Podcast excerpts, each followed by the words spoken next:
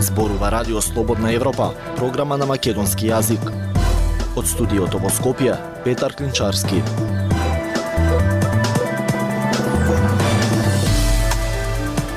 Почитувани, гостин во неделното интервју на Радио Слободна Европа е Милорад Миленковски, еден од водачите на навивачката група комити на најтрофејниот македонски фудбалски клуб Вардар. Со Миленковски разговараме на повеќе теми, кој го доведе Вардар во незавидна финансиска ситуација од која се уште не може да се опорави за предизвиците во новата сезона и можноста за враќање на клубот во собственост на град Скопје. Слушајте не. Сакате да знаете повеќе? Наша веб страница slobodnaevropa.mk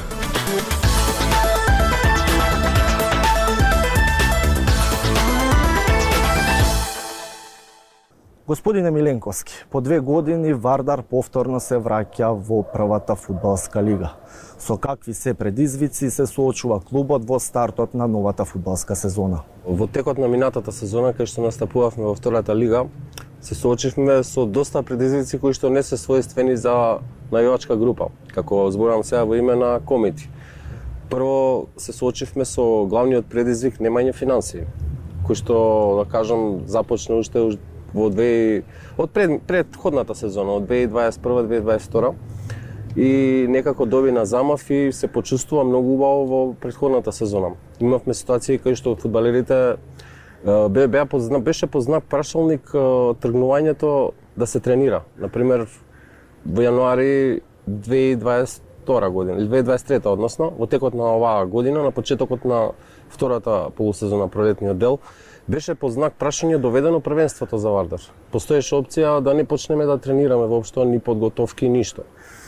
Тогаш смогнавме сили, проблемот беше финансиски, нормално организационен, меѓутоа пред се финансиски смогнавме сили, ние собравме средства за да им даеме на играчите на тренинг да почнат да тренираат. Тоа тоа е еден проблем кој што не прати цело време, бидејќи немањето средства продолжи во текот на сезоната и во сушност финанси, финансирањето на клубот беше комплетно оставено на неговачката група комити.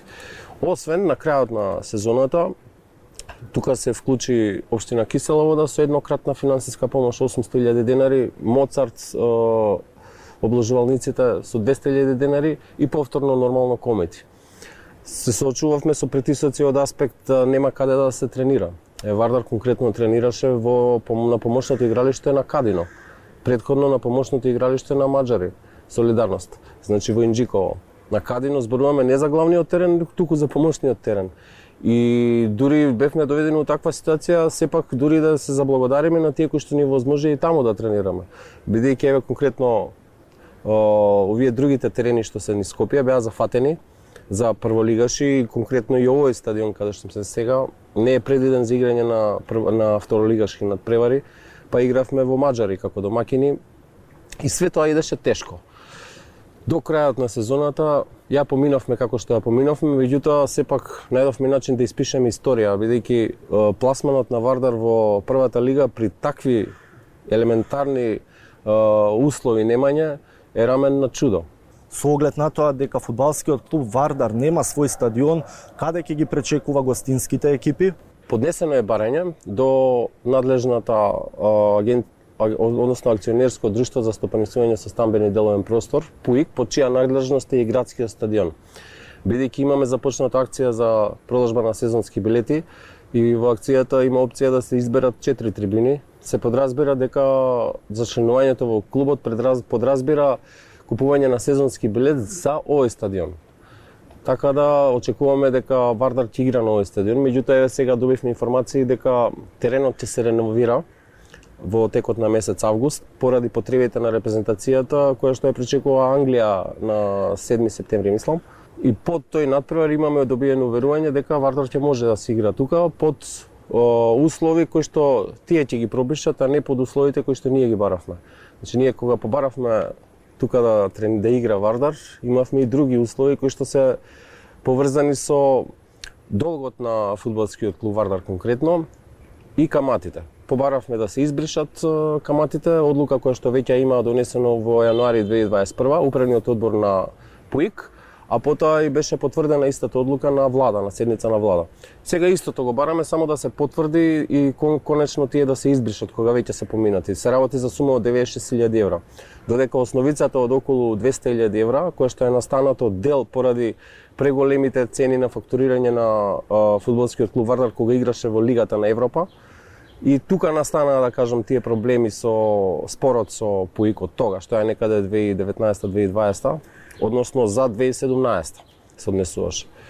Така да со со евентуално да кажам бришење на на тој долг или односно ние конкретно побаравме да се трансформира долгот во влог со тоа што во, во таа ситуација повторно акционерското друштво односно ПУИК ќе биде акционер во фудбалскиот клуб Вардар. Истото нешто што го побаравме и од градот Скопје. Значи градот Скопје и ПУИК се историски поврзани со фудбалскиот клуб Вардар и мислам дека е тоа најсоодветно решение. Побаравме исто така Вардар да игра бесплатно на овој стадион, бидејќи ние ние имаме историски факти, располагаме со историски факти дека во изградбата на овој стадион е вклучено населението, значи со само придонес на населението, како и компании кои што го граделе, едно од нив беше Бетон, народот ги има инвестирано со цел Вардар да игра тука. Значи тогаш во тоа време кога се градел стадионот немало репрезентација на Македонија, а сигурно не се градело заради настапите на југословенската репрезентација. Во однос на барањата кои што ги споменавте до КУИК, имате некаков повратен одговор од институцијата? Не, е конкретно добро што ме прашавте, бидејќи барањето ни е однесено до ПУИК и, и некаде беше 28, мислам, 28 јуни, беше однесено и архивирано, нели заверено од нивна страна, со тоа што веќе се поминати еве законските рокови, меѓутоа еве ајде да не звучиме грубо, да ги повикаме, сакаме конечно да ни дадат одговор. Бидејќи ако ништо друго треба да ни удостојат со одговор, да знаеме што да преме. Ние сега имавме на пример еден како да кажам, административен проблем кога требаше да го пријавиме стадионот каде што Вардар ќе игра, ќе биде домакин, заради добивање на лиценца за настап во прва лига. Едно од условите беше нели да се пријави домашен терен и резервен домашен терен. Ние не можевме да го пријавиме овој стадион бидејќи немаме договор. Немаме е, ништо што се вели на хартија со нив, меѓутоа имаме историска поврзаност. И ќе се повикаме на тоа и се надеваме дека тоа ќе го препознаат. Се сретнавме со директорот на, на акционерското друштво, имаше добро расположение, истата одлука која што веќе има да донесено, плюс тие други одлуки кои што побаравме да се донесат, нека ги донесе управниот одбор на ПУИК, бидејќи одговорноста сепак нема нема да биде нивна, нека го дадат тој предлог и нека се префрли притисокот на влада. Бидејќи повторно на влада ќе треба да се потврди таа одлука. Така да, она што го бараме ние е разбирање од нивна страна, и има разбирање, значи конкретно од вработените ние многу сме во многу добри релации со вработените на градскиот стадион со ПУИК. Така да останува само на таа еден вид на политичка одлука која што ја бараме да се донесе, меѓутоа решението да биде институционално. Тоа е тоа политичка одлука која што ја бараме од ПУИК, исто такво барање имаме поднесено и до УЈП, кое што исто така се однесува повторно до влада до владата на Македонија, каде што треба да се повторно да се одлучува таму, за бидејќи политичка одлука е потребна. Тоа што го бараме не може да го донесе самата институција. Нема законски основ. Колка ви се долговите на фудбалскиот клуб Вардар во моментов и според вас кој е виновен за настанатата ситуација? Ја, по моје мислење, виновни се институциите. Оној кој што му го донесе Вардар во оваа ситуација, има име и презиме и не е само еден. Значи на Вардар континуирано му се случува ова и пред доаѓањето на Самсоненко во клубот, бидејќи предходно беа на некој начин избришани и предходните долгови и беше расчистено со предходните доверители кога се даваше клубот во градот Скопје, тоа е во 2010-2011. Кога го презема клубот Самсоненко во 2014 година, клубот е примен со салдо нула, односно со долгови и побарувања нула. Така да чест чесно е, ако ништо друго, да се врати клубот во првобитната состојба во која што бил земен. Тоа на нас ќе ни завршеше многу работа во овие три години и нас ни представува огромен товар. Згора на тоа, еве, значи неговите причини поради кои што го остави клубот со долг, според него се објективни, според нас не се објективни и не се реални, односно се субјективни и поврзани се можеби повеќе со други елементи кои што немаат врска со спортот. А, од, кога се работи за долгот на Вардар кој ќе настанат по, до, по заминувањето на Самсоненко, тука е исто така имаме човек кој што има и име и презиме кој што се вика Слободан Крстевски. Собственикот на поранешниот собственик на фудбалскиот клуб Вардар, односно доскорешниот, кој што неговото основен мотив, неговиот основен мотив за доаѓањето во фудбалскиот клуб Вардар и градењето на стратегија за долг рок, една од главните цели и приоритетна беше враќање на долгот кој што го наследи, односно кој што го купи. Бидејќи тој го купува долгот, го купува клубот, да кажам, со некоја минимална номинална вредност, меѓутоа згора на, за таа, како се вели, за, значи, за возврат на тоа, го презема долгот, меѓутоа во исто време добива и право на управување со о, објектот во хиподром, тренинг кампот на Вардар. Сега, значи таму имало некој договор кој што тие го склучиле, значи во според кој договор фудбалскиот клуб Вардар ќе може таму да тренира, меѓутоа истовремено во рок од една година треба да го врати комплетниот долг на клубот настанат од времето на Самсоненко кој што беше отприлика 2,5 милиони евра. Тој долг не само што не се врати, односно само само се накачи долгот. Значи од доаѓањето на Слободан Крстевски ние имаме нула намалување на долгот, меѓутоа имаме според проценки само може некој да се каже околу 3 милиони евра долг. По заминувањето на последниот собственик Слободан Крстевски, комитите го презедоа управувањето на Вардара, финансиска помош се додели и од град Скопје. Чија собственост е Вардар во моментов? Па вака, ние го комуницираме слоганот со јавноста, го комуницираме слоганот Вардар клуб на народот и токму тоа и е сега. Женијето 35 години вардарци е, безмалку собственик на 100% од акциите. Односно, 75% од остатокот од акциите, на, нели 25% имавме веќе предходно добиено и заверено на нотар, овие 75% треба да се плати само данокот и да се завери на нотар.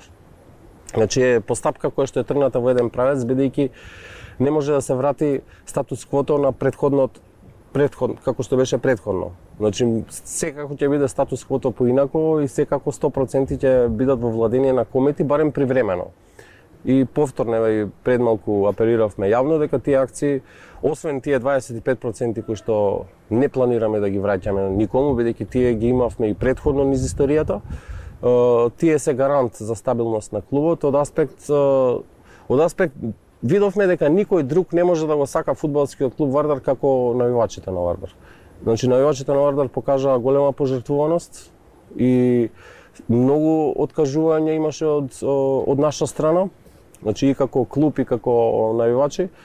И според тоа мислам дека заслужува е да имаме ние еден клуб кој што ќе има таква една природно природно воскреснување, како да кажам, еден вид на метаморфоза, трансформација на клубот во статутот на клубот со измена да биде клуб на народот.